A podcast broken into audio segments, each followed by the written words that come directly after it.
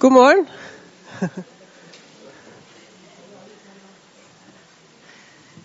God morgen og velkommen til Samsvar-seminar. Bare kjapt for de som ikke kjenner Samsvar-serien fra før, kan jeg fortelle at det er et samarbeid mellom eh, Fakultet for samfunnsvitenskap ved Høgskolen i Oslo og de eh, fire forskningsinstituttene som da tilhører et felles senter som heter SVA.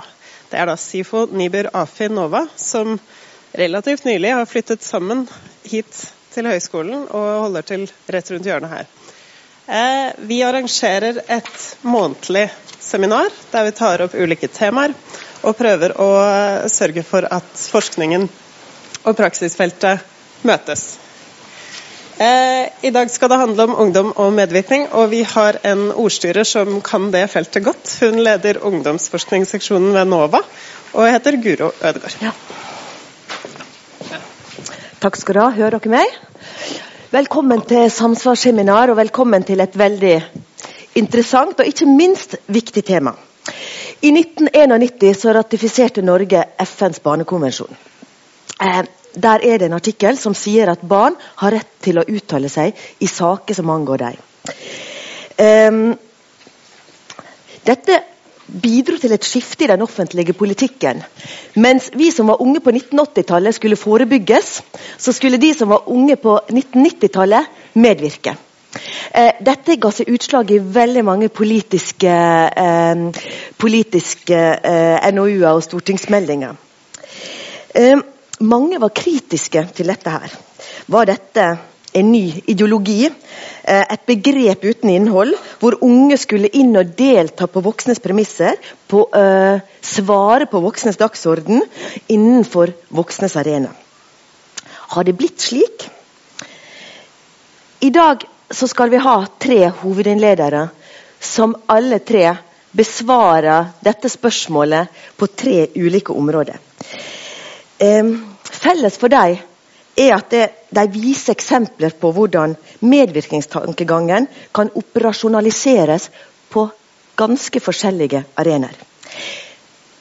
Det første er i byutvikling. Omgitt av byplanleggere, arkitekter, lover og regler og entreprenører. Hvordan kan barns stemme bli hørt der? Og så har vi lokalpolitikken. Hvordan kan unge mektiggjøres og få ei stemme inn i politikken? Ikke bare svare på noe, men faktisk stille spørsmål. Og så er det de svært vanskelige sakene. Når vi kommer til det vi frykter kanskje aller mest i våre dager, radikalisering og ekstremisme. Og unge som, altså som har en legitim holdning at vold er legitimt å bruke i visse situasjoner. Når samfunnet rundt roper kontroll og straff, kommer vi da noen vei med medvirkning? Det er altså motivasjon bak og metoder for medvirkning på flere områder som dette te eh, dagens tema er. Og er det slik at medvirkning kan forebygge ekstremisme og styrke demokrati? I dag skal vi ha som sagt tre innledere. De holder hvert sine innlegg, og jeg skal presentere de.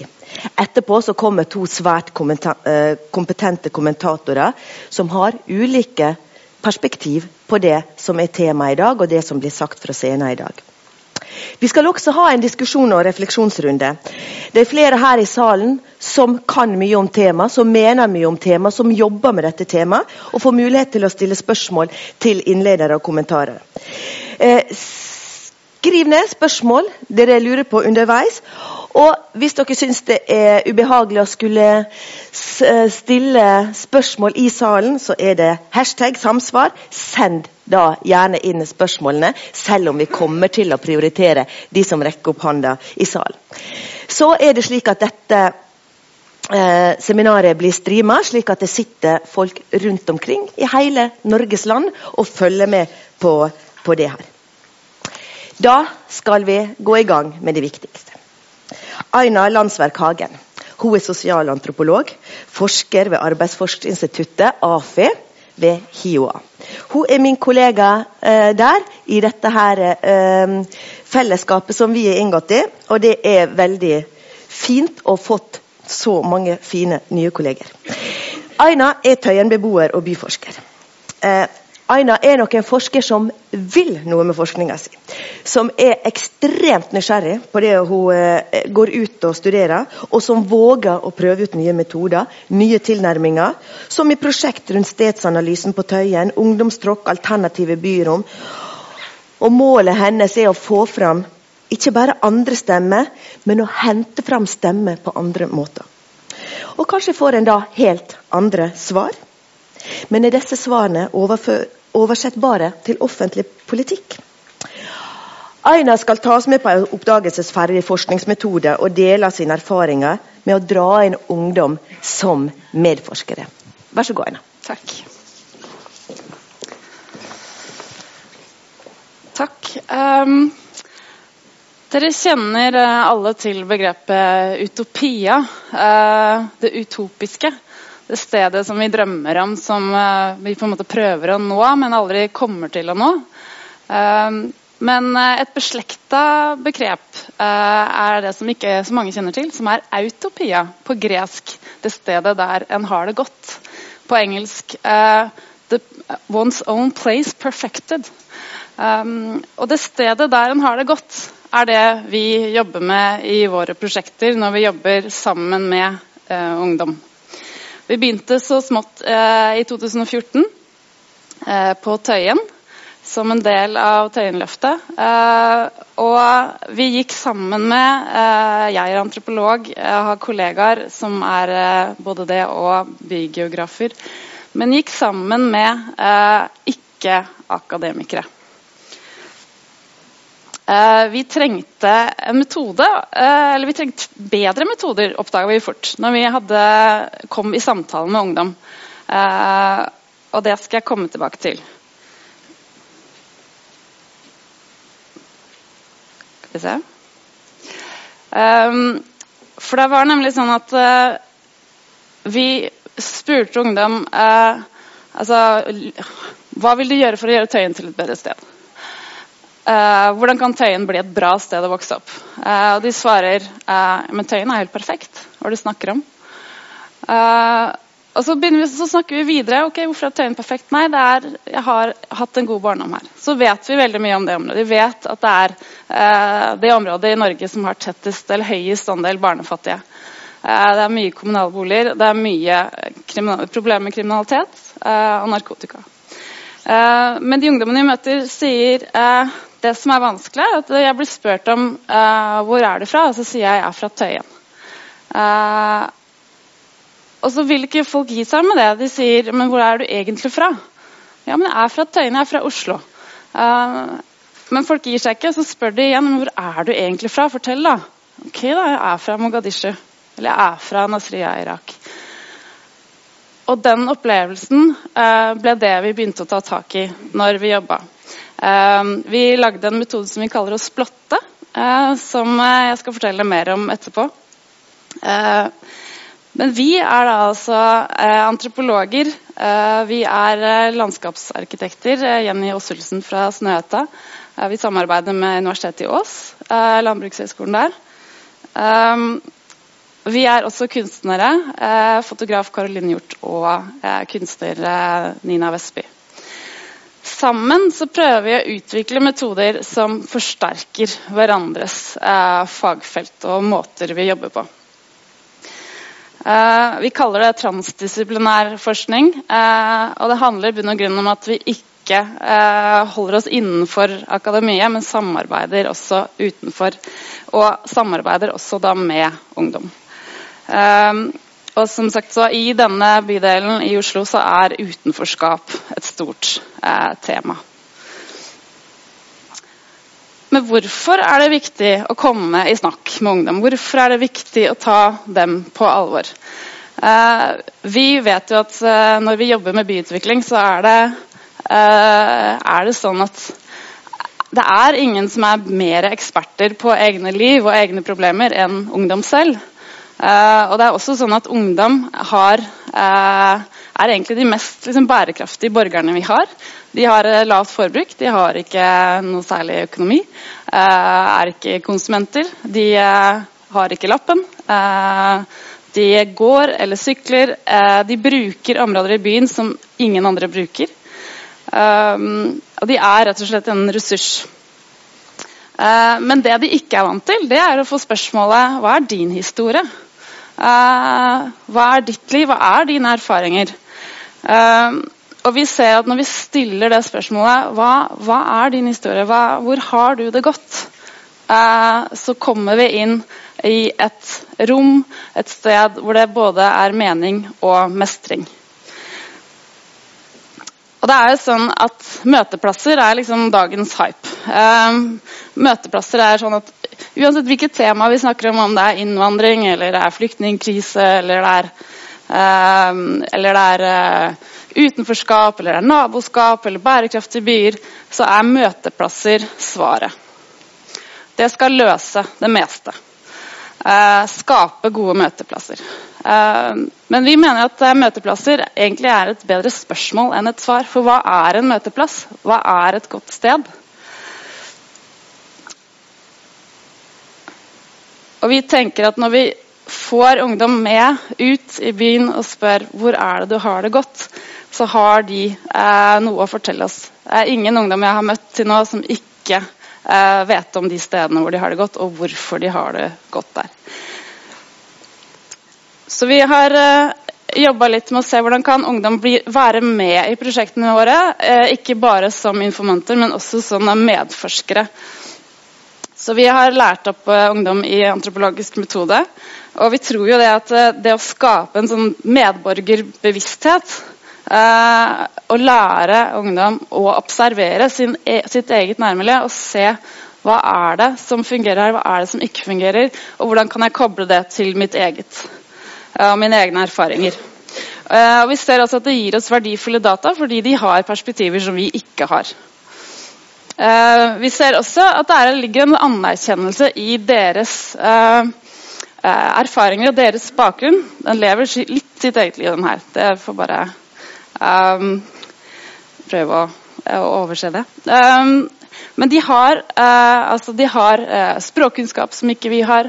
Uh, de har erfaringer, eh, kulturbakgrunn, som veldig mange av oss forskere ikke har. Vi er ofte hvit eh, middelklasse og har, kan ikke snakke urdu med en pensjonist på et seniosenter i gamle Oslo. Vi ser også at hvis vi går over lokalsamfunnsnivå og individnivå, så ser vi også at ungdom kan være med å jobbe, altså jobbe, med gode ideer og jobbe med hvordan kan samfunnet vårt bli bedre. Um, og Vi tror jo at ungdom kan være med å planlegge i større grad enn det de er i dag. Og vi ser også at, uh, at det å uh, være med og jobbe med ideer er noe som de, mange ungdom sier at jeg visste ikke at jeg hadde så mye ideer, og jeg visste ikke uh, at det gikk an å bruke de ideene til noe. Og Det er vi opptatt av, å prøve å se hvordan kan deres ideer eh, kobles på eh, f.eks. som eh, her er det landskapsarkitektstudent fra Universitetet i Ås, som kommer til å bli de fremtidige byplanleggerne. Og det å se Hvordan kan de møtene og de samtalene som oppstår når disse to møtes, eh, hvordan kan de bidra til både ungdom eh, som er med i prosjektene våre, men også disse studentene får et nytt syn eh, på sitt eget liv og sitt eget fagfelt. Eh, landskapsarkitektstudentene oppdager når de snakker med ungdom, at steder for eh, ungdom, og det er kanskje ikke så overraskende, men de blir overraska, eh, er sosiale relasjoner. Så et sted som er godt, er et sted hvor man har gode sosiale relasjoner. Og det får en betydning når man designer eh, et sted.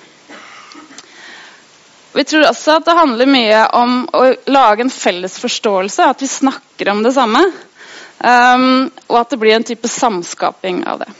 Så er spørsmålet altså, hvordan gjør vi dette her? Nå har jeg vist noen veldig fine bilder uh, som vår fotograf Karoline Hjort har tatt. Men uh, hvordan kommer vi innpå ungdom? Hvordan får vi til å få dem med oss ut i felt? Få dem med til å være med og planlegge, komme med ideer? Jo, vi splotter.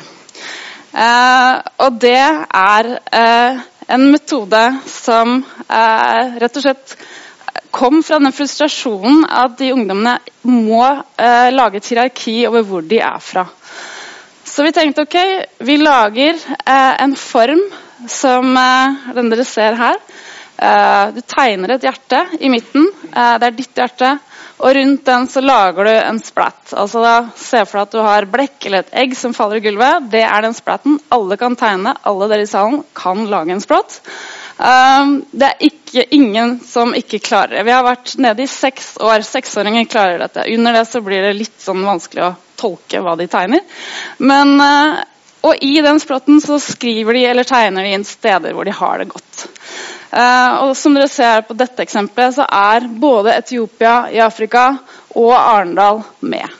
Uh, her er både familie og venner er med, uh, og mat. Altså Mat er undervurdert for at ungdom skal ha det godt.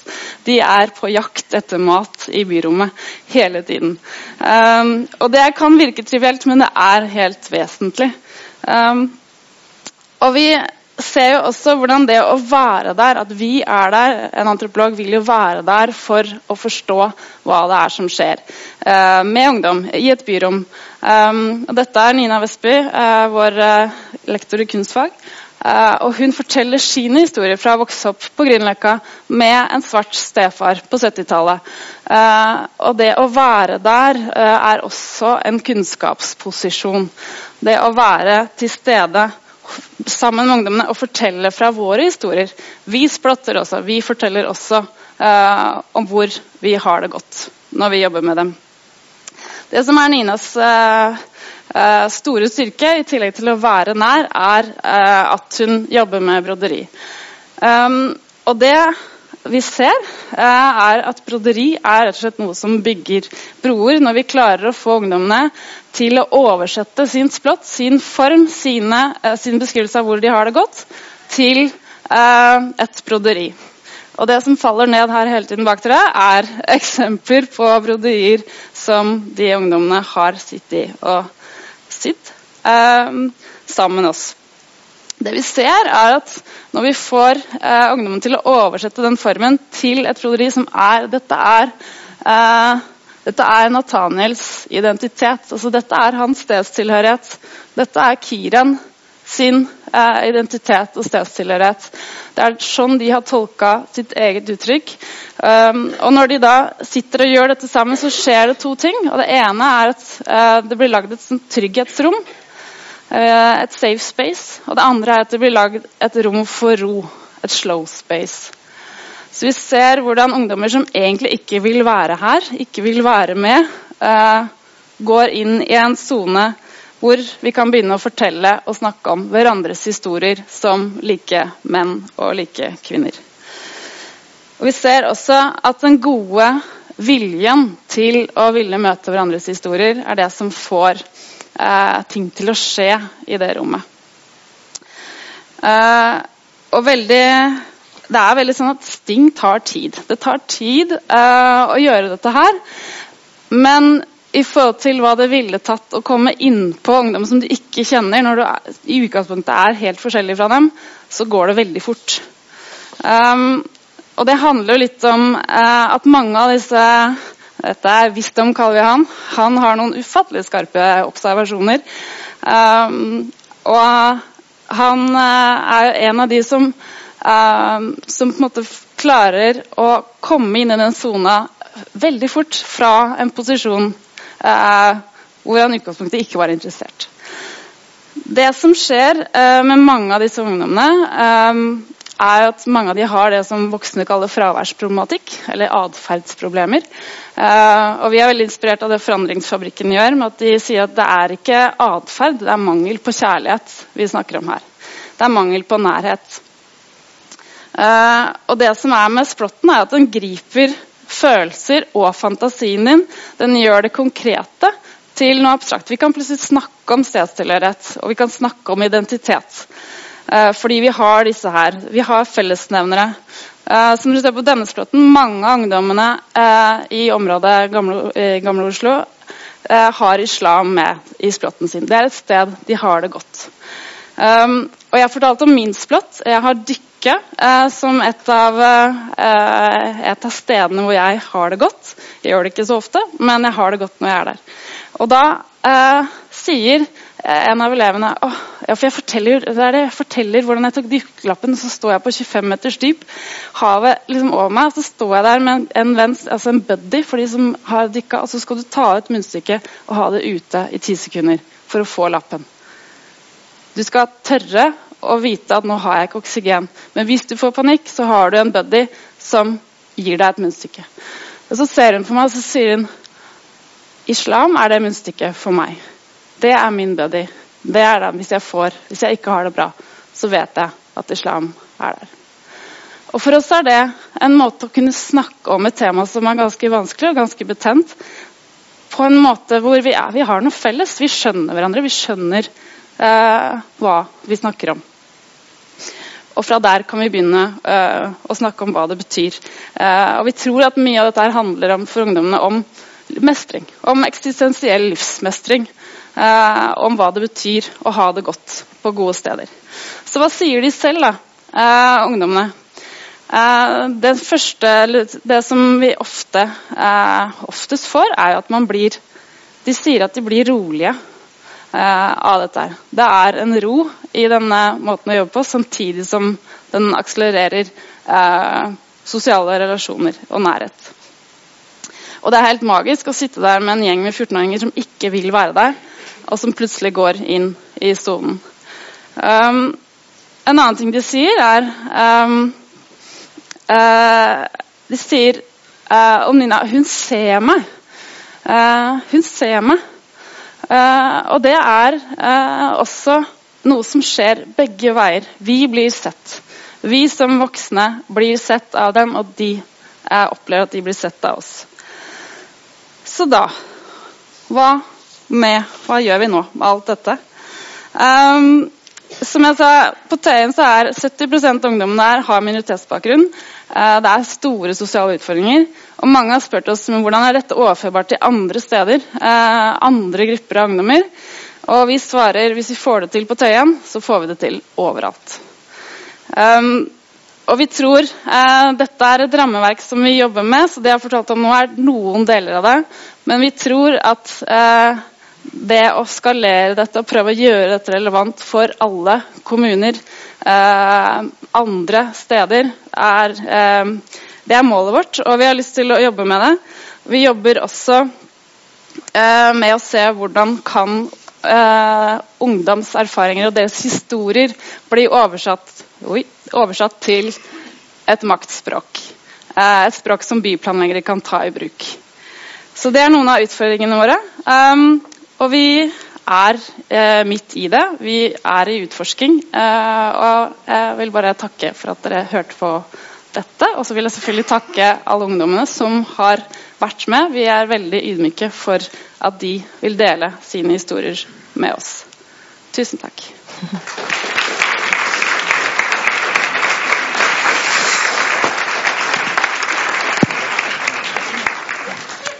Tusen takk, Aina. Vi skal få eh, neste tale raskt fram på scenen her. Habib Tahir, seksjonsleder i Grorud bydel. Grorud er en bydel i Oslo der det bor 27 000 mennesker. Det er en bydel på størrelse med en stor norsk småby. Um, I en nylig rapport fra NOVA av Patrick Lie Andersen og Marianne Dæhlen så viser det seg at unge i Grorud har det jevnt over svært bra. De trives på skolen, de har venner, de er fornøyd med foreldrene sine. Um, og en av konklusjonene er nok at Grorud bydel har fått et dårligere rykte enn hva det fortjener.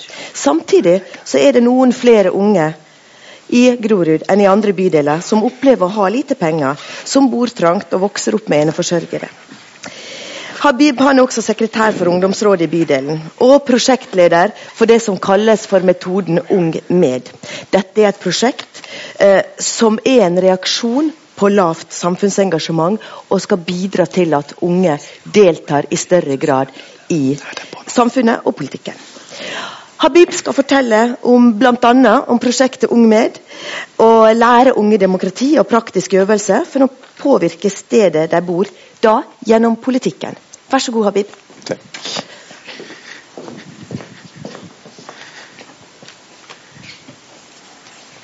Hei, alle sammen. Hører du meg, alle sammen? Ja. Grur bydel. Det er eh, en bydel i Groruddalen med 27 000 mennesker fra 151 nasjonaliteter som er representert her. Vi har sett at eh, ungdomsdeltagelse har ikke vært noe høyt. Uh, ungdommene deltar, har vært lite deltakende i forhold til idretten, i forhold til elevrådsarbeidet og i forhold til hvordan de får det til å fungere rundt dem, lokalmiljøet. Og Det er årsaken til at eh, vi tenkte vi må starte opp et prosjekt der vi kan få ungdom med. Det startet i 2009. Gaza-demonstrasjoner i Oslo, hvis dere husker det. Mm. Eh, mange av ungdommene våre var der i byen og demonstrerte og drev med hærverk. Vi kom i kontakt med dem to dager etter at eh, demonstrasjonene var i sentrum, og innkalte dem til en samtale. Vi ble enige om at vi skal arrangere en dialogmøte. Det var en fantastisk samling bestående av ca. 40 ungdom som møtes på Romsås og diskuterte hvordan vi skal oppføre seg. Det er lov å demonstrere, men det er ikke lov å ødelegge andres eiendommer. Vi ble enige om hvilke metoder vi skal bruke i fremtiden. Resultatet så vi uka etter. Det var da nye demonstrasjoner. Og jeg med stolthet kan si at våre ungdom sto der og holdt seg unna alt med bråk og sånn. De var og markerte, og de, var, de demonstrerte, men de gjorde ikke noe hærverk. Så resultat av dialogarbeid og ungdomsarbeid, det ser vi ganske raskt. Grorud bydel er jo kjent for eh, FNs første generalsekretær eh, Håkon Lie. Vi har jo hatt forfatterne som eh, Tom Egeland. Grorud er en fantastisk sted å bo. Her har vi godt ungdomstilbud. Vi har tre ungdomshus. Vi har et musikkverksted. Og ukentlig så har vi opp mot 800 barn og unge som bruker våre fritidstilbud hver uke. Vi er i, kontakt med mange ungdom. I sommerferier, vinterferier, høstferier så har vi et godt tilbud til barn og unge som bor i Groruddalen. Etter et dialogmøtet vi hadde i 2009, så snakket eh, både ungdomsarbeiderne og ungdomsrådet at det må vi fortsette videre med. For det ga resultater. 2010 arrangerte vi første ungdomskonferanse i bydel Grorud. Det var en konferanse med mange deltakerne som fikk mulighet til å si hvordan de ser på sin situasjon. For eh, noen uker siden så møtte jeg en ungdom som var på den første ungdomskonferanse. Og han sa til meg at han kom fra Afghanistan, der ingen hørte på han. Ikke foreldrene hans engang. Så kommer han til Grurud, og der sitter han, og politikerne, BU-politikerne, sitter der og hører på han. Jeg gir han så mye oppmerksomhet som han aldri hadde fått det. Det at vi hørte på han, gjorde selvtilliten hans til å bli noe stort. Og så fikk han møte kongen et par år etterpå. Og det var jo stort. Det hadde aldri han da drømt om. Slik at den mulighetene vi skaper med å gi dem en mulighet til å vise, det er noe stort. Ungdomskonferansene våre, der lærer vi dem metoder. Ungdomsrådet og våre voksne arbeiderne går inn i elevrådene og lærer representanter i hvordan demokratiet er. Hvordan man skal snakke, debattere, avstemme, og hvordan kan de få det til å fungere. Og Det bruker vi våre lokale politikere til. Kamzy er forresten fra Grud bydel. Eh, og når de har fått den opplæringen, så går de tilbake til klassen sin og holder en klassekonferanse. En konferanse der alle har mulighet til å komme med forslag hvordan de ønsker å gjøre i sitt nærområde. hva de ønsker å gjøre i nærområdet. Og så må de velge. Det er ikke nok at de snakker sammen. De må velge fire til seks saker som de sender til skolekonferansen. Og Skolekonferansen er der de har representanter fra hele skolen. Og saker fra alle klassene. De diskuterer en hel dag har vi satt av til dette. Vi har fått et veldig godt samarbeid med skolene i Grorud De diskuterer dette hele dagen. På slutten av dagen så velger de fire til seks saker som de sender til den store konferansen som vi arrangerer på hotellet. På slutten av dagen så kommer både lokale politikerne, rektor kommer, ungdomsarbeiderne kommer og gir dem en tilbakemelding i forhold til de saker som de har valgt inn. De får høre om det er saker hvordan voksne personer på skolen eller andre ser på dem. Så får de tid til å arbeide med de sakene helt frem til vi arrangerer store konferansen. Tilsvarende konferanser vi arrangerer på tre andre ungdomsskoler i bydelen. Vi har også en fritidskonferanse. Der deltar representanter fra fritidsklubbene, fra lag og organisasjoner, fra menigheter, fra idretten. Er der og arrangerer og sender saker. Totalt så er det 1200 ungdom som er med den prosessen der. Alle får mulighet til å komme med saker. Alle har mulighet til å bli hørt, og alle får den opplæringen. Og så de, arrangerer vi den store konferansen.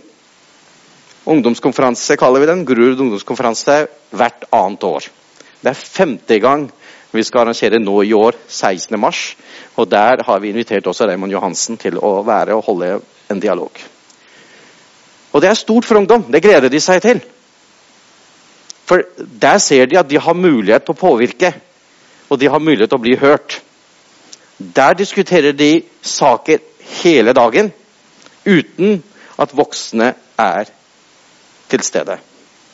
Voksne kommer klokka to når de har bestemt hvilke saker de vil kjøre videre til dem. Og Da kommer hele BU og hører på dem og gir dem en tilbakemelding. Det kommer representanter fra Utdanningsetaten, fra politiet, fra Ruter og gir dem en tilbakemelding hvordan de ser på de sakene. Men tilbake til denne skolekonferansen, denne opplæringen, for den er viktig. Det er viktig at de ser hvordan demokratiske spilleregler brukes, og at ting tar tid. Ungdommene våre var sånn at når de hadde bestemt saker i første konferanse i 2010, så trodde de at ja, nå kommer det til å skje tingene um, i løpet av et ukes tid, kanskje. Eller kanskje en måneds tid, da. Det må jo være uh, bra nok. Uh, men de er med i hele prosessen. Det er lagt ned komiteer, og de skjønte dette, at det er ikke bare å vedta en sak. De må jo jobbe med den saken kanskje to år før de får sett på resultatene. Og resultatene har de sett. Det skal jeg komme tilbake til. Her er det en uh, avslutning der lokale politikerne sitter der og svarer på spørsmålene fra ungdom. Og så er det hele dagen det er der at de lærer å debattere. At de lærer å snakke sammen og kan være uenige med hverandre. er jo og Dette er veldig inkluderende tiltak. Jeg kan si at Grud bydel har jo Opp mot 50% av ungene våre har flerkulturell bakgrunn. Så her sitter det barn og unge fra mange nasjonaliteter med forskjellig bakgrunn som sitter og snakker sammen. Så velger de saker. De får mulighet til å jobbe med sakene, slik at de må hente en del informasjon før de kommer med forslag til vedtak. Resultater, folkens. Det er jo viktig. Hvis vi ønsker å sette ungdomsmedvirkning på dagsordenen, så er det viktig at ungdom blir hørt. Det er ikke bare at vi arrangerer konferanser, men også at ungdom ser at de oppnår noen ting. Og det har de gjort i Bidel Grud. Politikerne våre har vært veldig flinke til å høre på dem. Bydelen nå, i år, så har de også bevilget 300 000 kroner fra egen ramme til ungdomsarbeid, eller til Jobb for ungdom. I fjor, 2016, så ga vi jobb til 103 ungdommer i bydelen. Da drev de alt fra ruskenarbeid til eh, praksis i en butikk, eller at de var uh, ansatt i en klesbutikk. Uh, vi har også startet et prosjekt som heter Ung hjelper eldre. En fantastisk prosjekt som minker avstand mellom generasjoner. Et prosjekt der ungdom går hjem til eldre, besøker dem og hjelper dem med hverdagslige ting. Her har vi veldig gode historier å fortelle. Vi har hatt eldre som sa nei, de vil ikke ha en eh, mørk ungdom hjem til seg. Aldri, ikke på tale. Så klarte vår prosjektleder å overbevise dem. Kan vi ikke prøve dette, da? Det må jo prøves.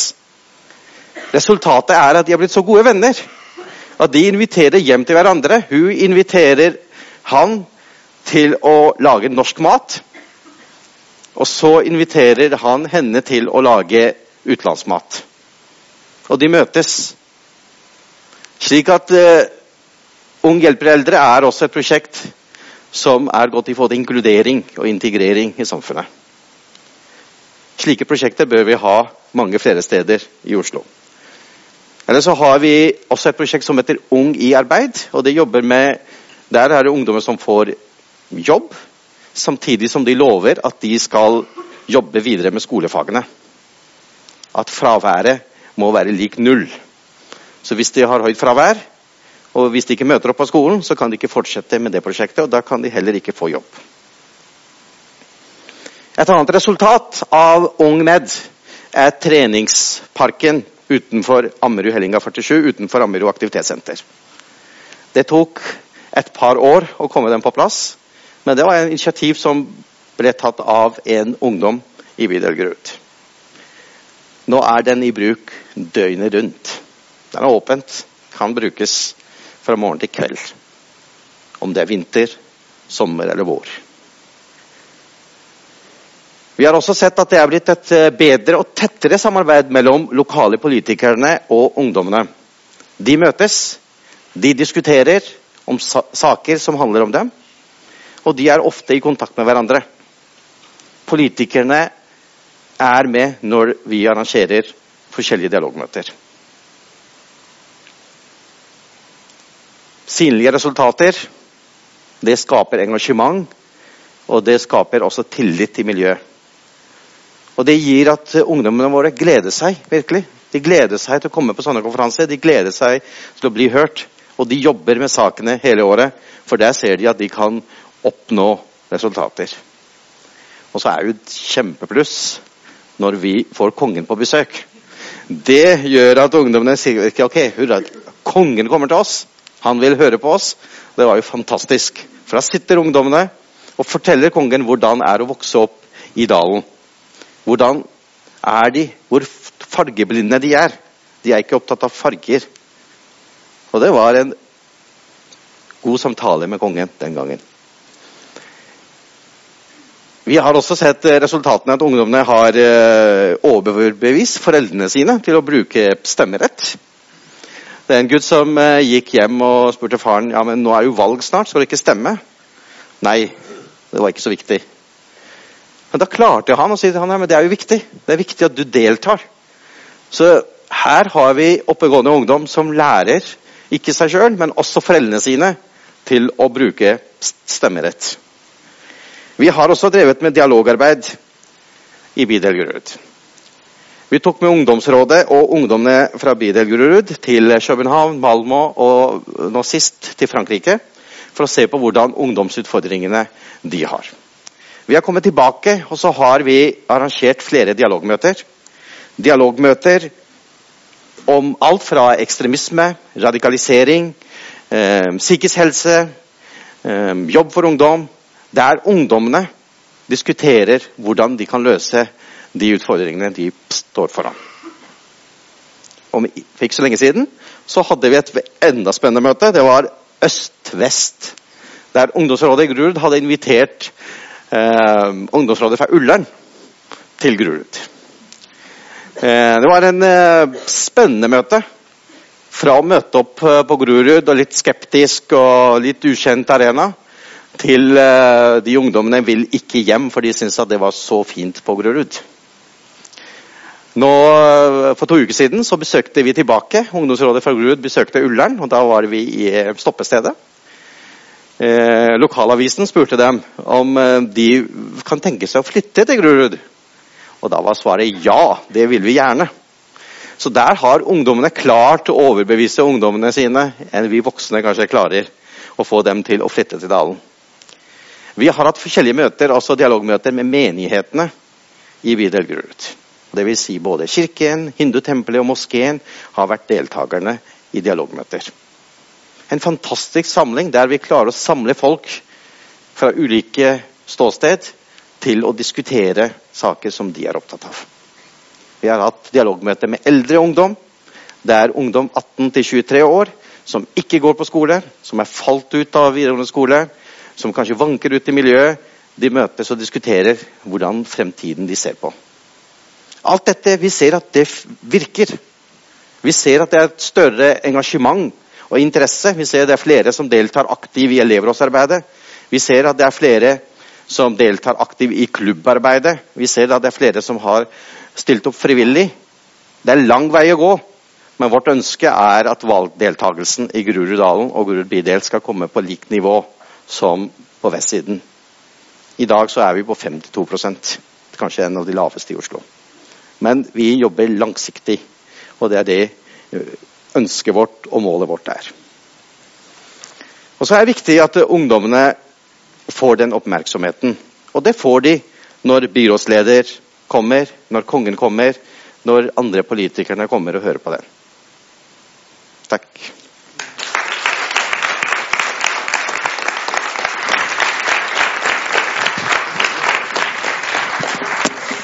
Tusen takk, Habib.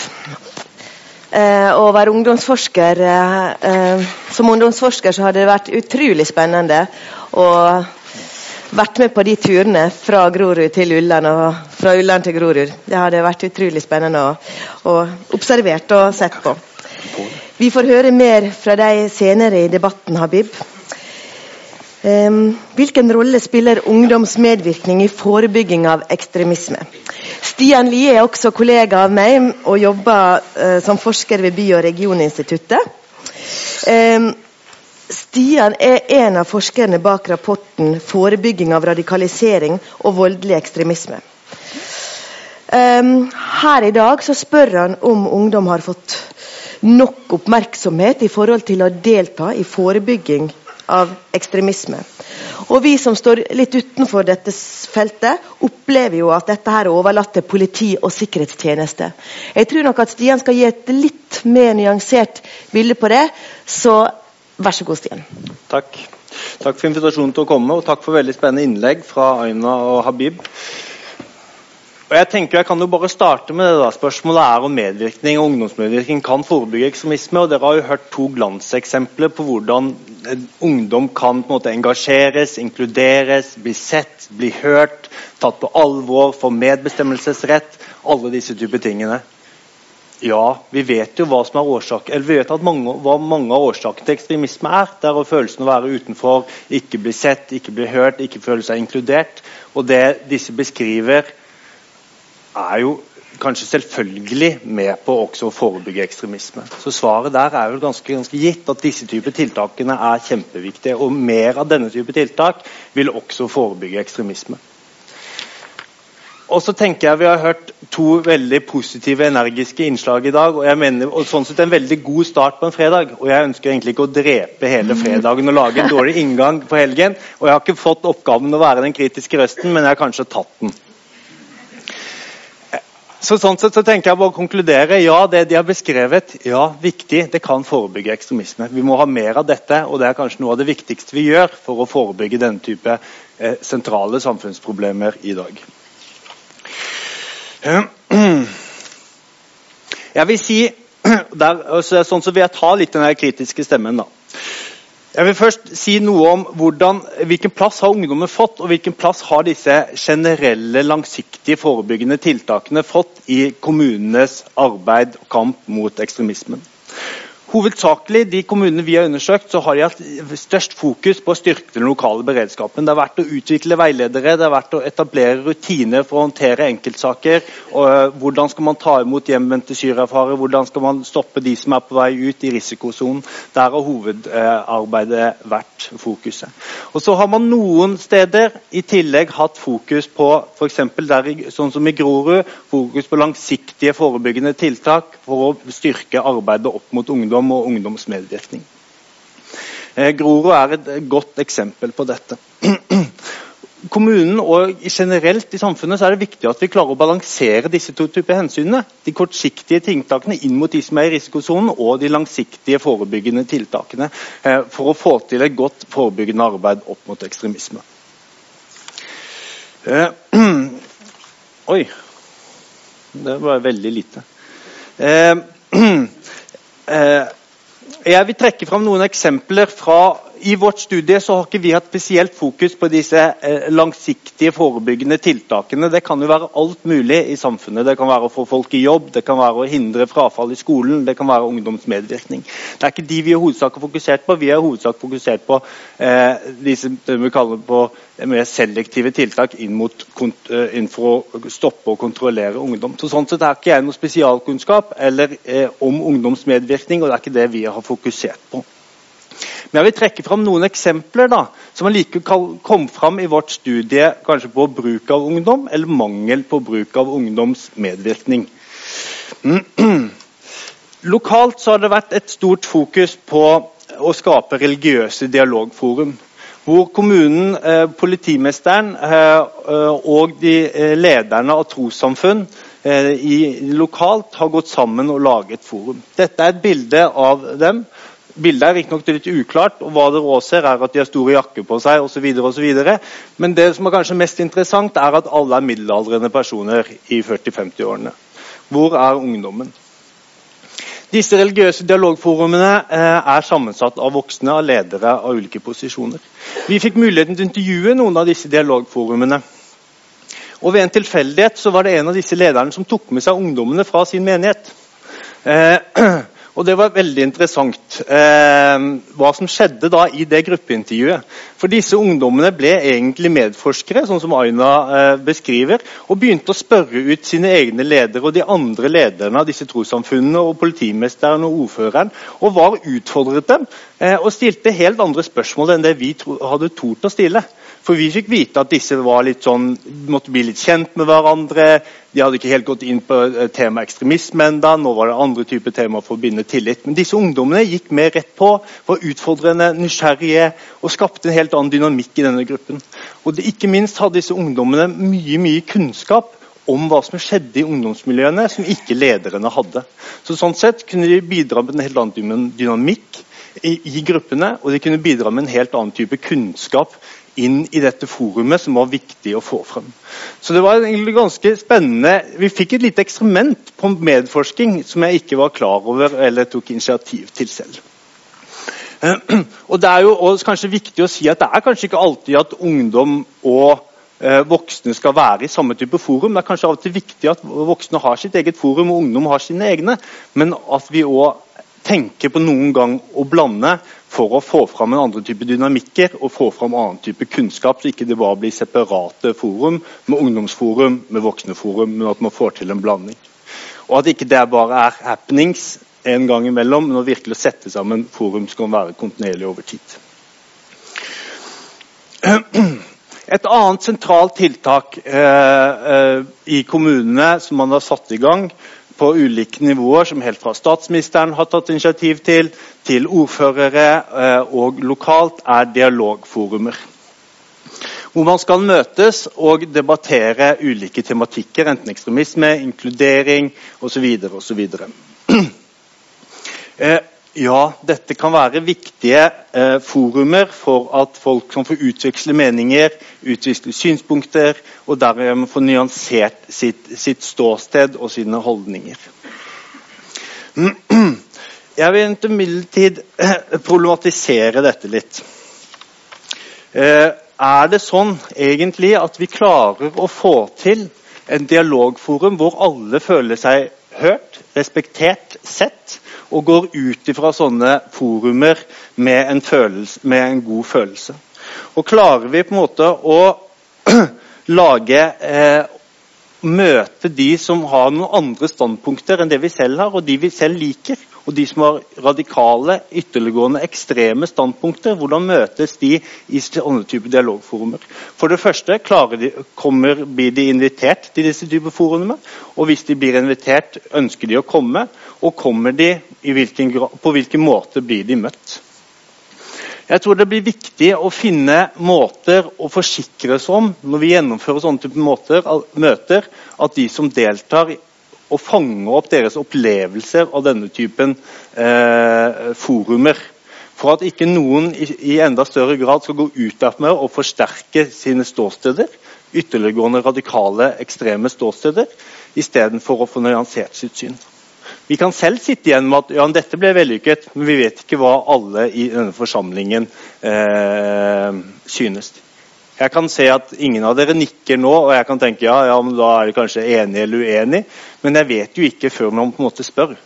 Eh, og Der kan vi på en måte miste noen eh, få, og det er disse få som på en måte kan gå enda videre. Sånn så tenker jeg Det er viktig å bygge opp noen mekanismer her eh, når vi utvikler denne type metodikk.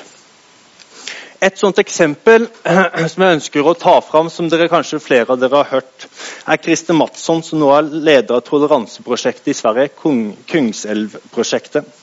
Han var en lærer på 90-tallet, veldig engasjert opp mot ekstremisme og rasisme, og gikk i da debatt mot noen elever. Det Mattsson sier i ettertid, var jo at jeg konfronterte denne eleven på en slik måte med så harde argumenter at denne eleven selv følte at han måtte forsvare seg, at han ble latterliggjort, og egentlig etterpå forsterket hans ekstreme ståsted.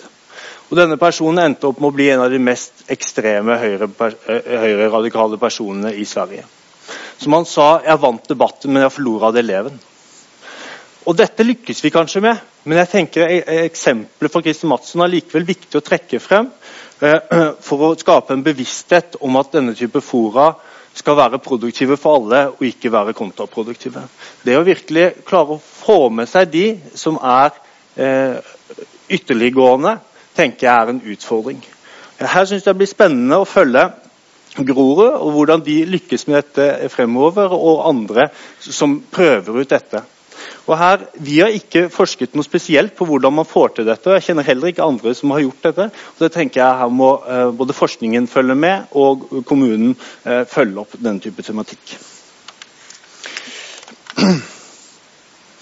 Og så har jeg fått med meg at i bl.a. i Grorud og i andre kommuner så har man diskutert skal sånne type dialogforum egentlig være noe som skjer på på fritidsklubber eller bibliotek osv., eller skal de trekkes inn i skolen, som gjør at man kan få mer jevnlige og hyppigere eh, type diskusjonsarenaer for ungdom, unge og voksne. Og jeg tenker I en tid hvor karakter, karakterjaget på skolene er stort, man har stort fokus på, på uh, den faglige utviklingen, så er spørsmålet klarer skolen å ivareta sin oppgave som, som en, uh, sin samfunnsoppgave om å utvikle personers holdninger og kunnskaper utover fagkompetansen. Så Jeg vil egentlig avslutte med å på en måte trekke frem ja, vi må ha med medvirkning, og det kan virke, eh, virke forebyggende opp mot ekstremisme. Men det krever også mer av de voksne. I vårt studie så kom det veldig fram at ekstremismen er, skaper usikkerhet blant voksne. Ehm, blant en del voksne. Her er det mange som er dyktige, som har, føler seg kompetente, men blant en del voksne skaper det usikkerhet. Eh, for å måte, gi ungdommen plass og trekke ungdommene med i medvirkningsarbeid, så krever det også en trygghet hos de voksne for å gi plass. Så Her trenger man å styrke de, styrke de voksne for å gi plass til de unge. Eh, og så er det viktig å få til arenaer som rommer alle. Også de som er ytterliggående, og få dem inn og ikke minst få skape forum hvor de føler seg respektert, møtt og sett på en måte som man ikke blir kontraproduktive. Så Det tror jeg var mine kommentarer eh, fra dette.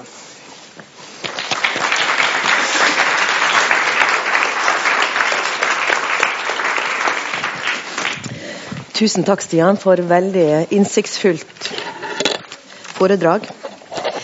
Um, den som skal Første kommentatoren til dette her er byråd Geir Lippestad. Han er byråd for næring og eierskap i Oslo kommune. Eh, hvorfor skal byråden for næring og eierskap komme og kommentere på dette temaet her? Altså, eh, Vi kjenner Geir Lippestad fra før. Han har kan man si, vært tett på ekstremisme. Men som byråd så er jo dette her med områdeløft, så kommer en ikke utenom næring og eiendoms, kultur- og idrettsbygg, kommunale boliger, undervisningsbygg. Alt dette her er jo viktig for nettopp dette å skape fellesskap, skape rom, skape arenaer for å møte plasser. Materielle betingelser er veldig viktig. Men i tillegg så er jo Geir Lippestad en samfunnsengasjert borger og politiker. Eh, så kanskje litt utfordringer til deg, Geir, er jo hva kan du og kollegaene dine gjøre for å styrke unges posisjon i Oslo som meningsbærende aktører? Og du må gå ti over, nei, kvart over ti du har en uh, Jeg skal snakke om akkurat det temaet når det gjelder bolig eh, eh klokken halv elleve. Da er det helt perfekt at du er her. Og så skal jeg bare si det til disse flinke kommunikasjonsmedarbeiderne her. Så har jeg en liten eh, gave til deg som du får på vei ut. Og det blir et klenodie. For det er HiOA, det er sånne effekter fra HiOA som snart blir universitet. Så da har ja, det ja, vær så god. Tusen takk. En liten kommentar. Eh, til hva jeg jobber med i, i, eh, Oslo kommune. Det er helt riktig.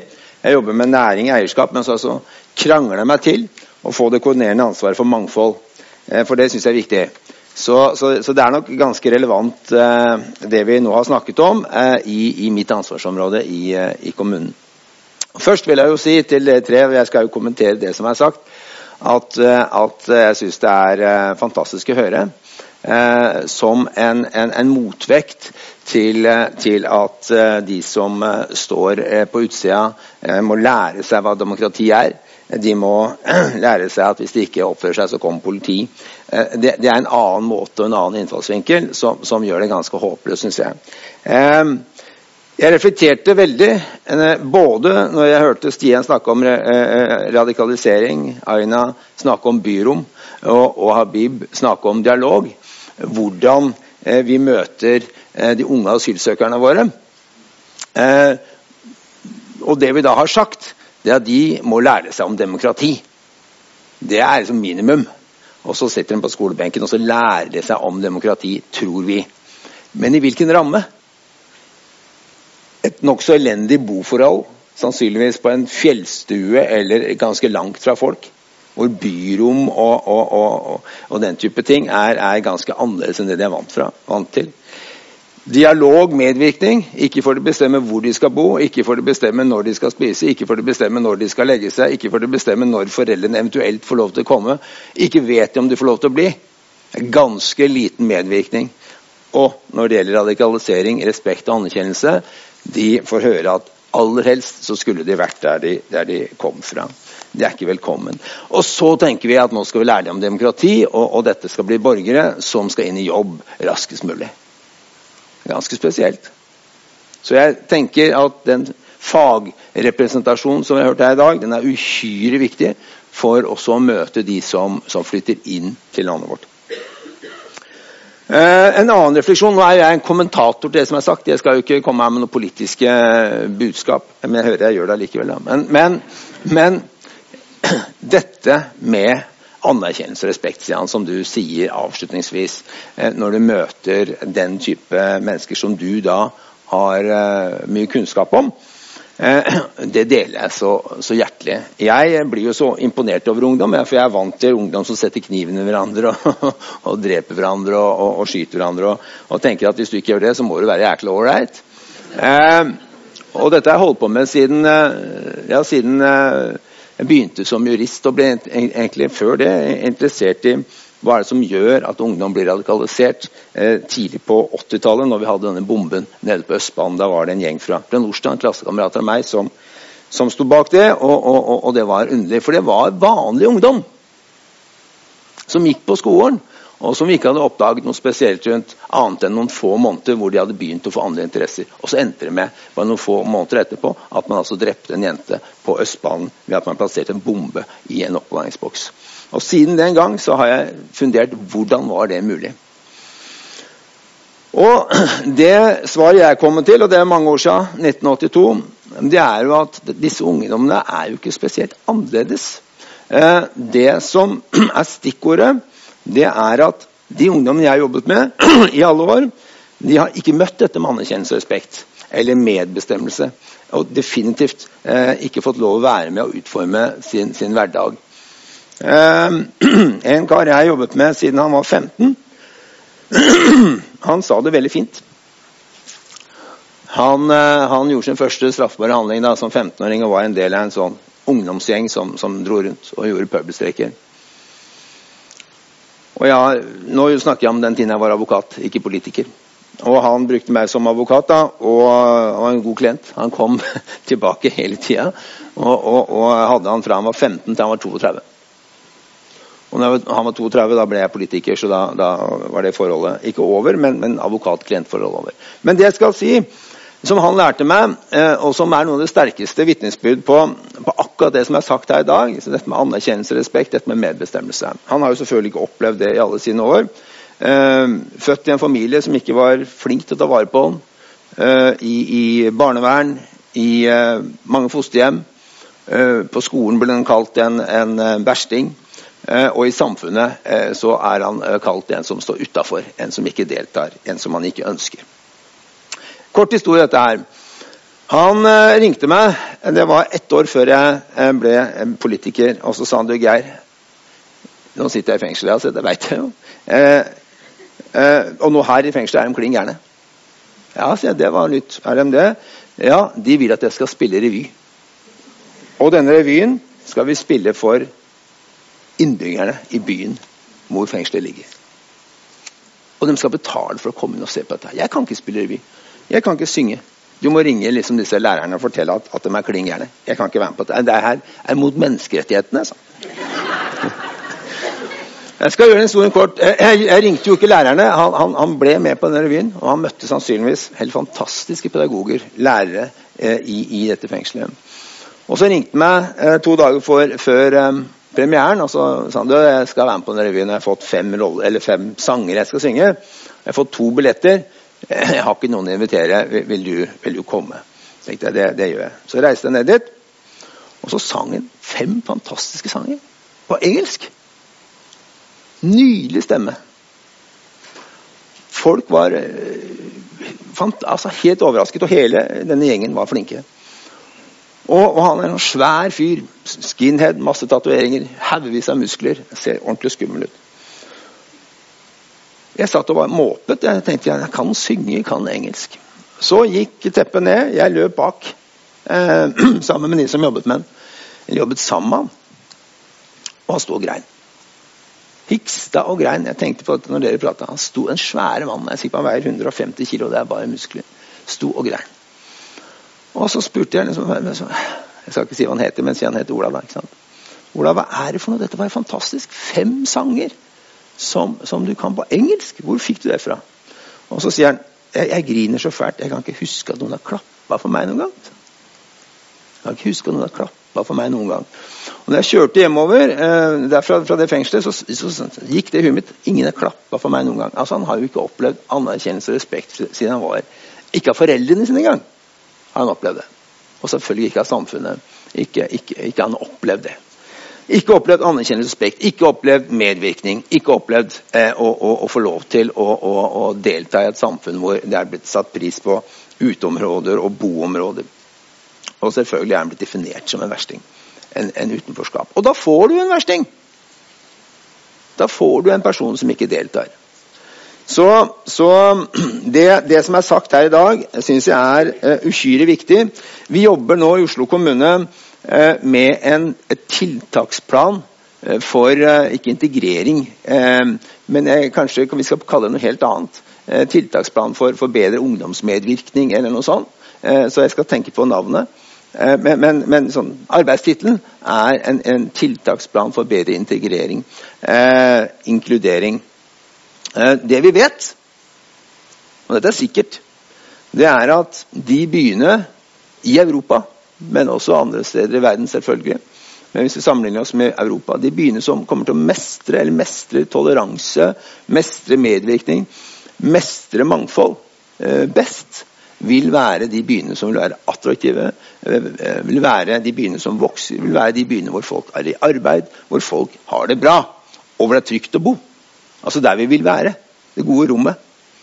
Hvis vi ikke gjør det, hvis vi jobber med å bygge opp eh, fiendebilder, hvis vi jobber med å insistere på at det er politi og justisvesen som skal rydde opp pøbelgjenger, eh, insistere på at det er parallellsamfunn vi ikke kan gjøre noe med, annet enn å sette inn politiet, da får vi eh, byer som det ikke er bra å bo i, og som er utrygge, og som det er større risiko.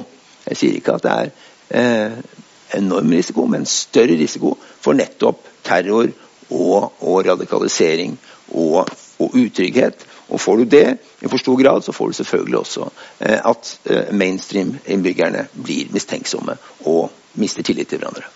Og har vi en by uten tillit, så, så vil ikke jeg bo i den byen. I hvert fall ikke være politiker i den byen heller. Så det som gjøres i Grorud, eh, Habib, ved at denne ungdommen, som, som ikke er vant til, eh, kanskje Ingen ungdom er vant til å, å få lov å eh, medvirke i den grad man gjør på Grorud. Eh, fatte en beslutning, og så står det en lekepark der, eller en eh, idrettspark. to år etterpå syns jeg var kjempekjapt. Ja, vi driver på med idrettshaller nå som er bestemt for 15 år siden. Så det var kjapt. Det må jo være en veldig boost i det å forstå hva et demokrati er. En veldig boost i det å, å føle seg anerkjent og respektert som et ungt menneske. Jeg kjenner jo mange fra Groruddalen. Jeg kjenner mange ungdom fra Groruddalen. Nå sier jeg Groruddalen, ikke Grorud, men hele, hele dalen. Og, og, og, jeg vet jo hvor glad de er i de forskjellige arrangementene sine, om det er Hallen eller Halen, som de sier, eh, eller om det er eh, andre store eh, møtesteder eller mindre møtesteder. Og det er som du sier, eh, det er disse møtestedene hvor de treffer andre som de kan kose seg med. Og så er det én gruppe jeg er bekymra for. Og det er den gruppa, jeg vet ikke hvor stor den er, det er vanskelig å ha tall på det, men den gruppa som, som ikke er velkommen inn. Fordi de selvfølgelig ødelegger for andre. Eh, den gruppen som utgjør eh, en, en, en gjeng nå på Vaterland, Grønland, som også er en gjeng på, på Søndre Nordstrand, ikke samme gruppe, på, på Mortensrud, og eh, du har også noen eh, i Groruddalen. Gjenger som, som, ikke passer inn. Og denne, Disse gjengene må vi gjøre noe for. Og de må også eh, ha, vi ha dialog med. For de er ikke nei-ungdom. Jeg møtte dem på rådhuset for ikke lenge siden.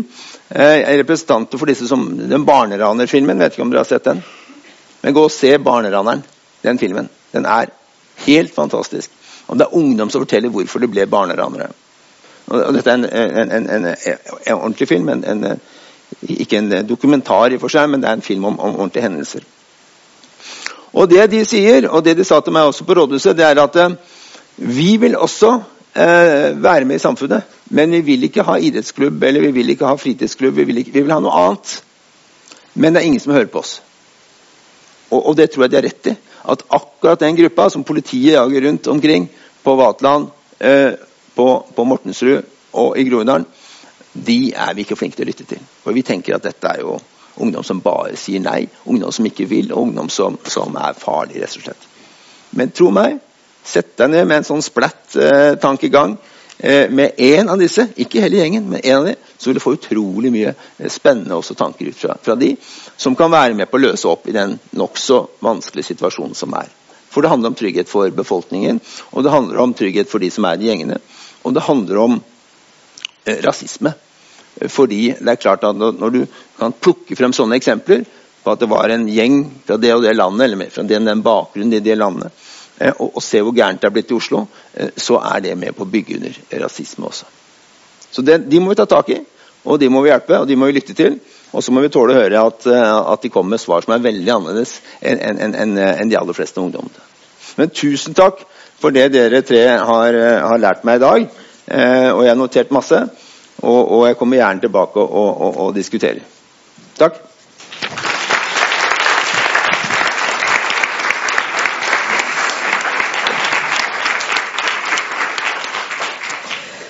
Tusen takk for det. Hvis dere går til Møllergata 3, så vil dere finne Unginfo. Um, det er det, ikke det? Det er det som er adressa. Møllergata 3. Det har leid der i mange mange år. Der finner dere alltid et hus fullt av ungdom, og folk som jobber for, av og med ungdom. Truls uh, Melsbø Aarseth han er prosjektleder for Ung Med, eller Ung Medbestemmelse, som Habib også var inne på.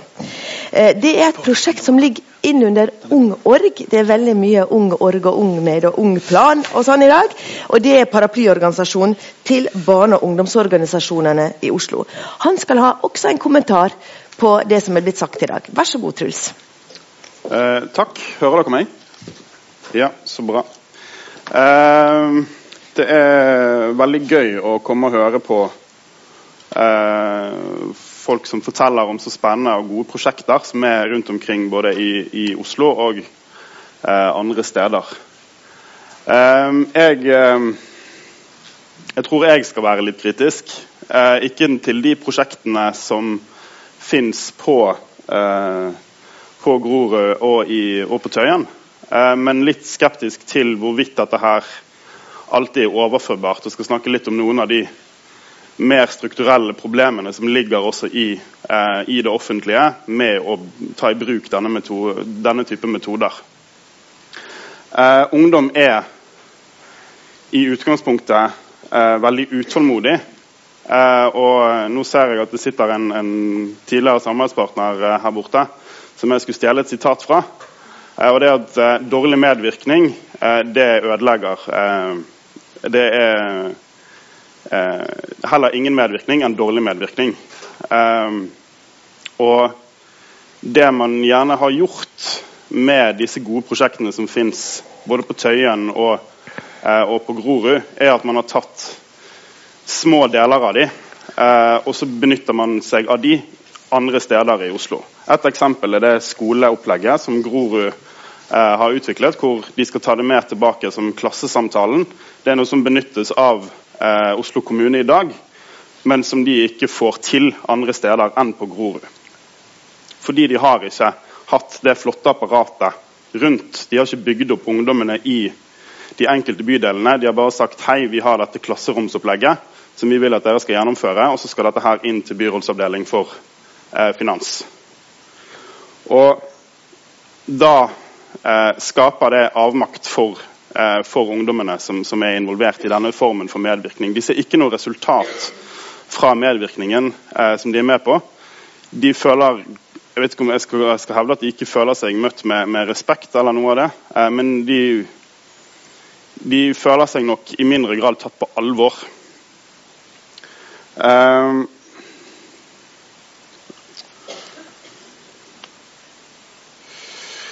det som er eh, veldig tydelig for, eh, for, meg, er at eh, politikere, men også folk som jobber i administrasjonen rundt omkring i, i, Oslo og andre steder, det er det at man er på utkikk etter en quick fix. Det er det man vil ha. Man vil ikke ha Tøyen-satsingen, man vil ikke ha Groruddal, eh, Groruddalsløftet og, og ung ung medvirkning i, i Groruddalen. Det er ikke det man vil ha rundt omkring i hele Oslo, for det koster for mye penger. Det man vil ha, det er de mest suksessfulle delene av det.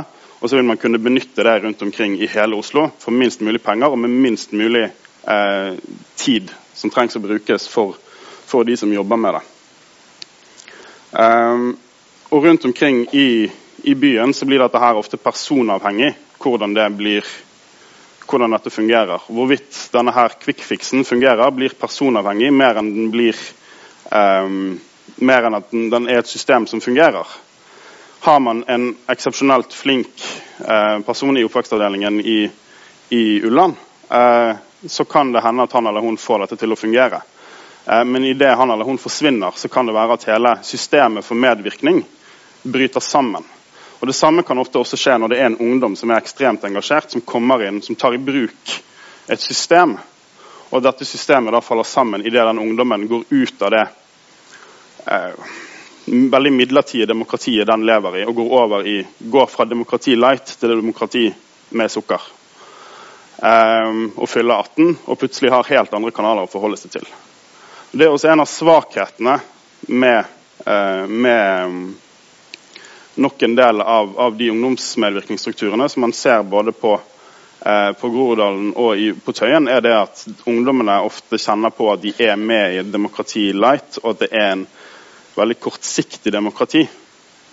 Hvor de er med i kanskje maksimalt fem år, og så, eh, og så er de ferdig. Da er de plutselig tatt ut av et apparat, tatt ut av eh, av folk som hjelper dem å delta. Og så står man litt på bar bakke. For det er ikke noe videre oppfølging av, av ungdommer som har deltatt i, i medvirkningsprosesser. De eh, står på egne bein. Og forhåpentligvis har man jo klart å gjøre dem til gode nok medborgere og aktive, aktive medborgere, men det er ikke sånn for alle. Hmm. Det er um, Det er si, noe som jeg tror fungerer veldig godt, og som, som jeg tror Groruddalen spesielt klarer å eller, ja, Gror, Grorud spesielt klarer å eksemplifisere. Det er det med ammeruggemmen.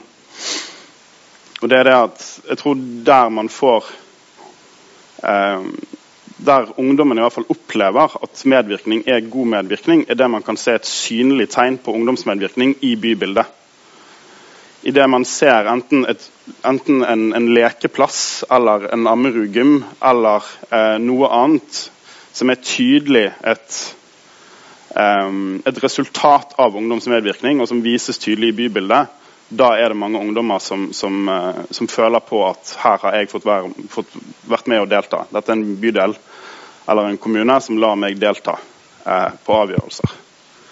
Uh, og Det er også noe som man forteller seinere. Man forteller det at den eh, skateparken eller den ammerugymmen, det var noe jeg var med og skapte i, i, min bydel eller i min kommune. Det var noe som jeg fikk, fikk til å skje, noe som jeg deltok på. Og det er eh, Skal man begynne et sted med å snakke om ungdom i, i, byplanlegging eller ungdom i samfunnsplanlegging, så må man også snakke, kanskje begynne med det og si at hei, dere har et område som dere kan få lov til å gjøre noe med. Det er klart at Man kan ikke gjøre det hver eneste gang og hele tiden, men man kan finne da andre måter å la ungdom eh, gjøre noe med, oppdatere et område, legge til noe eget for hver, for hver eh, generasjon. Og det er også det Jeg begynte med å si at ungdom er veldig utålmodig. Og det som også blir Problemet med at ungdom er utålmodig, eh, og at saksbehandling tar lang tid, er jo det at ungdom er i ungdomskultur veldig kort, ungdomskulturen forandrer seg veldig fort. Eh, en ungdom på 12 og en ungdom på eh, 17 opererer ikke nødvendigvis i den samme ungdomskulturen. Det er forskjellig. Det er noe som har endret seg eh, veldig, veldig med en gang, og helt uten at vi voksne kanskje er helt klar over det, så har det skjedd en endring i ungdomskulturen som kanskje også krever at vi oppdaterer våre metoder eh, når det kommer til medvirkning fordi kulturene er blitt, er blitt annerledes. Noe jeg, jeg, tok en litt sånn her er ikke noe statistisk bakgrunn, eller noe sånt, men jeg tok en litt sånn kjapp spørreundersøkelse med noen av de ungdommene vi jobber med i går. Eh, for å høre med dem om hva de tenkte rundt en del av det som skjer eh, med det som heter TEK17, som er noen nye byggeforskrifter. Eh, for to år siden så gjennomførte vi en, noe som vi kaller en ungdomshøring, hvor vi hadde rundt 100 ungdommer inne som fikk snakke om byplanlegging og og samfunnsplanlegging. Det som de var veldig tydelige på, da, var at dere skal ikke tukle med lysforhold. Dere skal ikke tukle med størrelse på leiligheter. Dere skal ikke tukle med hvor tett og hvor høyt vi skal bygge. Jeg tok en veldig uformell liten spørreundersøkelse blant noen av ungdommene som jeg jobber med i går. Og nå, bare to år etterpå, så er det bildet helt endret. Er nå, nå, er man villig til å i større grad ofre bokvalitet for å få løst en boligkrise. Og det er jo, altså, jeg vet ikke om vi kan kalle det ungdomskultur, men det er i hvert fall et eksempel på hvor fort en sånn oppfatning kan endre seg blant de som er unge.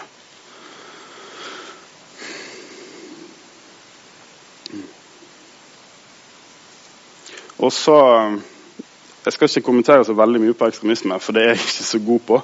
Ehm, det er ikke mitt, eh, min, min, mitt eh, fagfelt. Eh, men jeg eh, har vært deltakende i eh, i noen medvirkningsprosesser om ekstremisme blant ungdom her i byen.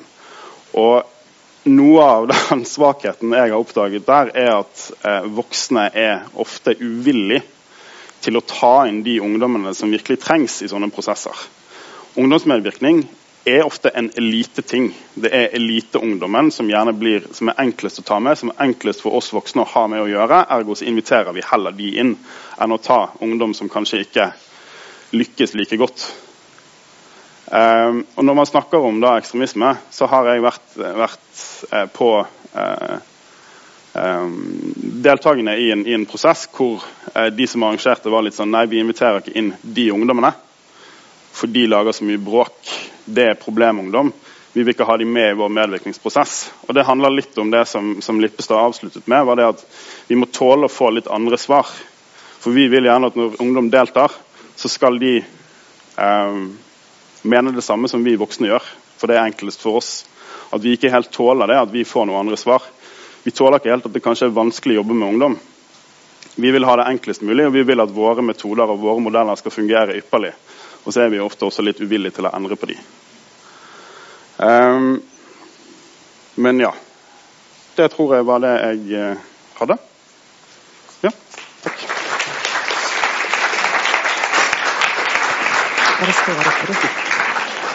Da er det slik at det, Hvis Stian, Habib og Aina kan bare komme fram her, så har vi tid til noen spørsmål.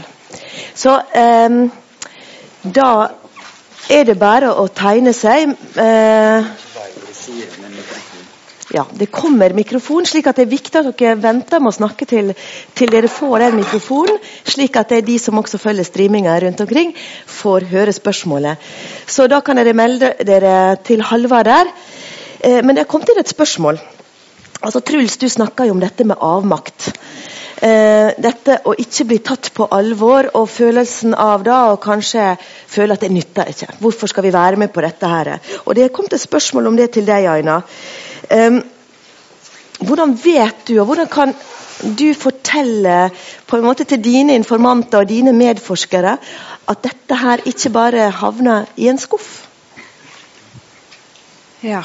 Um, det kan jeg uh, ikke.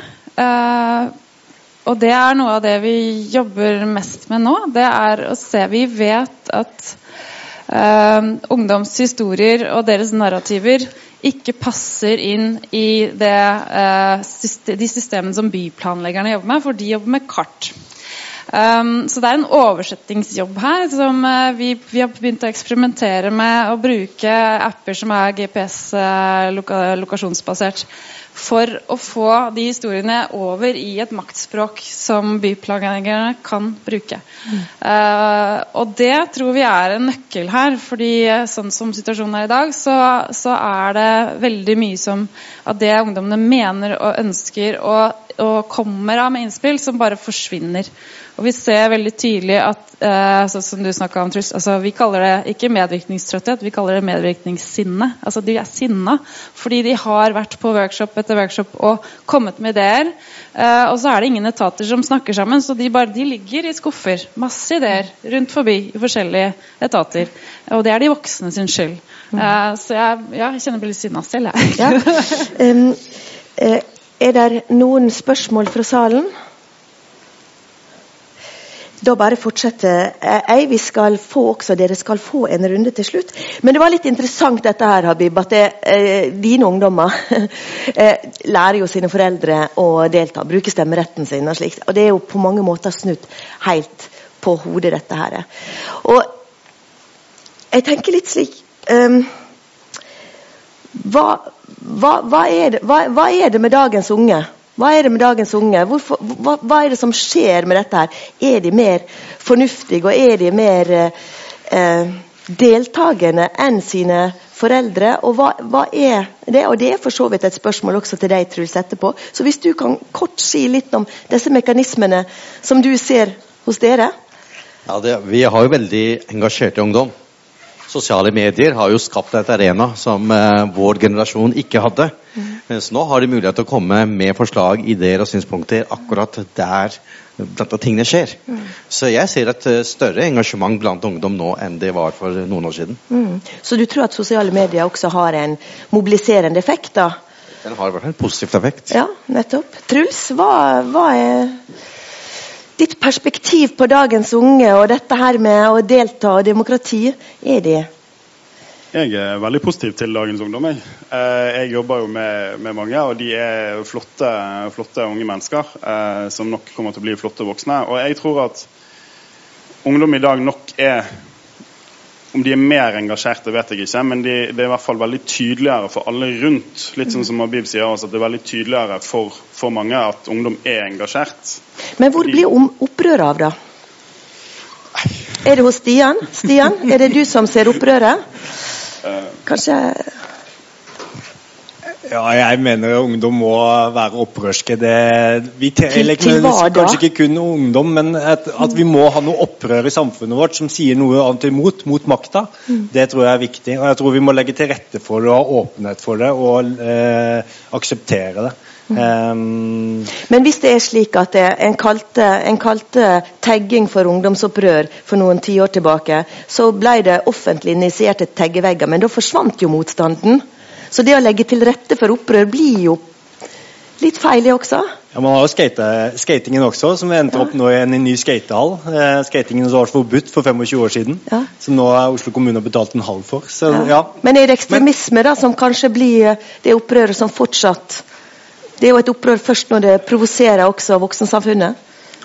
Ja, jeg tror og jeg håper at det kommer til å komme andre utløpsformer enn, enn helt ut i ekstreme. Ut i ekstremismen. At ungdom og andre som skal eh, har behov for å si noe imot, finner andre uttrykksformer enn eh, helt ut i ekstreme og ekstremismen.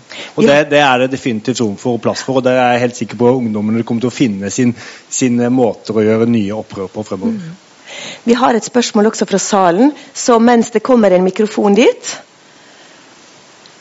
Det gjør det her. En sliter med batteriet her, så eh, Ja, hei. Eh, jo, jeg hørte jo på deg som snakket om ekstremisme. Og jeg syns det var veldig interessant, og du hadde mye gode meninger om det. Og jeg er også enig i de, men jeg blir litt spørrende til når du snakker om mekanikker. Og hvordan å fange opp de som er litt utenfor, som dere ikke får snakket ordentlig med, og som ikke blir invitert. Altså, Hva slags mekanikker er det, og hvordan skal dere gjøre det? Det et Veldig godt spørsmål. Eh, eh, og jeg tenker det er jo. Forskerne har jo interesse av å komme i kontakt med disse, selvfølgelig, men ikke minst førstelinjetjenesten, som òg kan gi dem hjelp og støtte. Eh, og på en måte være sparringspartnere mot de som eh, er på kanten, og de som er eh, det vi definerer som utenfor. Hvordan det skal gjøres, det tenker jeg er utfordrende. Jeg opplever at førstelinjetjenesten sliter med å komme i kontakt med, med en del av de miljøene som, som ikke har tillit til, til kommunene, til stat, til politi. Eh, og Der tenker jeg man har en utfordring i, i, i samfunnet om å komme i kontakt med dem. Eh, I Norge så har vi en litt eh, Bruken av sivilsamfunnsaktører eh, på ekstremismefeltet er ikke spesielt utbredt i Norge. Spørsmålet er om de i større grad kan ha en større rolle enn det de har fått i dag. Eh, om de har, har, eh, kan eh, få et annet tillitsforhold opp mot miljøer eh, som, som kommunearbeidere, politi osv. ikke har, har kontakt med. Em, kort svar på det. Ja. Et komplisert tema. Det som vi, vi må begynne å avrunde her. Eh, der er ett spørsmål til, vær så god. Hallo. Ja. er på. Eh, mitt navn er Toralf Moe. Jeg jobber uh, som rådgiver for uh, Geir Lippestad. Uh, Bl.a. med å se på hva slags inkluderingsplan vi kan lage. Eh, jeg er imponert over hva som er blitt gjort på, på Grorud, og det bør vi absolutt ta med og se på hva forutsetningene er for å gjøre det andre steder. Eh, det som jeg har lyst til å si her, da, som, en, som en kommentar, er at det er flere i Oslo som jobber ute i ungdomsgrupper med ungdom som er vanskelig å Som er blitt snakket om her, som er de som ikke blir hørt, og som når de sier noe, så er det ikke så eh, mange som syns det er bra det de sier. Eh, som er sinte, som er frustrerte, og eh, som syns samfunnet er urettferdig. Og det er, det er flere som tar de og greid å, å, å få til dialogarena på dem. Og eh, de har kanskje vært litt på utsiden av det som er blitt forsket på, men eh, eh, det er interessant å, å, møte dem og se, se, eh, se hvordan de jobber, og hvordan de også får da ungdom med på mer konstruktiv Hvor de kan gå med denne frustrasjonen, konstruktive måter. Og det skjer i, i uh, ungdomsgrupper knyttet til mange moskeer i Oslo bl.a. Mm. Uh, så det, en, det, skjer ting på det området òg. Og, det er, og det er, det er metoder som, som virker. Mm. Takk for det. Da tenker jeg at det vi må avslutte her. Men alle dere fire skal få et siste, siste ord. Og da Du starta i dag. Du skal få lov å starte nå, Aina. Takk. Um, jeg må bare takke for uh, alle de andre innleggene. For det var utrolig spennende og mye mer uh, altså overlappende eller inn, uh, inn, i hverandre enn det jeg trodde det skulle være. Så det, det var veldig spennende. Jeg tenker spesielt det her med um, ja, to ting som jeg er opptatt av. og Det ene er det som, uh, som du nevnte, tror jeg. Uh, det med at det er voksne som trenger å bli tryggere i rollen sin. Uh, vi møter, og jeg, altså, Første gang jeg jobba med ungdom, så var jeg livredd. Eh, jeg visste jo ikke hva jeg skulle gjøre, og hva, hvordan jeg skulle snakke til. Altså, og Dette er veldig underlig, eh, egentlig, for vi er jo bare mennesker. og Det er jo derfor vi prøver å finne nye metoder for hvordan kan vi få bort det, de liksom-forskjellene mellom oss. altså det som, det som, gjør at det blir et hierarki, og som gjør at voksne blir utrygge i møte med ungdom. Så jeg tenker at eh, den oppgaven må vi ta. Og Det andre som jeg syns er viktig, er jo det som begge, både Habib og Truls egentlig snakker om, er den systematiseringen av det. Og det viljen, den gode viljen til å legge ressurser inn i det som forebygging og som et helhetlig system, ikke bare som enkelt eh, på en måte, tiltak. Eh, for det, det, har jeg veldig tro på. at Det er da vi først ser de store endringene. Takk skal du ha, Stian. Et siste vi snakker jo om ungdomsmedvirkning, og det jeg på en måte sitter igjen med, er, er ja, det er veldig viktig. Samtidig som det er kanskje enda viktigere å lykkes for at ikke ungdommen skal føle denne avmakten. Som du var inne på, Truls. Det fester jeg meg veldig med. Og nettopp så blir det på en måte Ok, vi kan ha gode visjoner, men det er kanskje enda viktigere med gjennomføringen. Eller så kan man faktisk medføre at man får enda større avmakt. Jeg, jeg skal liksom snakke om ekstremismen, det blir jo ytterpunktet hvor man får den avmakten. Så jeg tenker der var det et veldig viktig poeng. Habib? Ja, og Det er viktig å tenke litt også på ungdom som er eldre ungdom. 18 pluss 18 til 23, som ikke blir ivaretatt inn i den fritidsaktivitetene våre. Det er de som er sårbare. Kanskje mange av dem har falt ut av videregående skole. dropouts. Og de må vi tenke litt også på. Jeg ser at mange ganger at de er glemt. Et glemt arena. Det er ingen som uh, ivaretar deres interesser. Og Det er viktig å, å få dem også inkludert i dette. Ellers er det viktig at vi uh, må få en godt dialog med ungdom, og det er det vi har fått i Bydel Grorud. Uh, vi har jobba veldig målretta og har en verktøy som ligger på oslokommune.no, som kan brukes av alle andre. Truls? Takk. Uh, ja, takk for gode innlegg uh, i dag. Uh, jeg, mitt siste poeng, som jeg ikke tror jeg fikk, fikk sagt i sted, er det at når man jobber med ungdomsmedvirkning, og når man skal lage en metode, så må man alltid huske på at ungdomsmedvirkning og god ungdomsmedvirkning det koster mye penger. og ikke alle er villige til å bruke mye penger. Så skal man, skal man få det til, så må man jobbe todelt, både med å klare å lage billige og gode metoder men også det å hele tiden klare å pushe på for å få de som bestemmer eh, over pengesekken, til å faktisk eh, se så gode resultater at de er villige til å investere penger i, i eh, ungdomsmedvirkning. Takk for. Takk. Takk for det. Og det som blir det siste ordet her, er jo dette med økonomi. Det er svært billig å forebygge i forhold til å skulle reparere.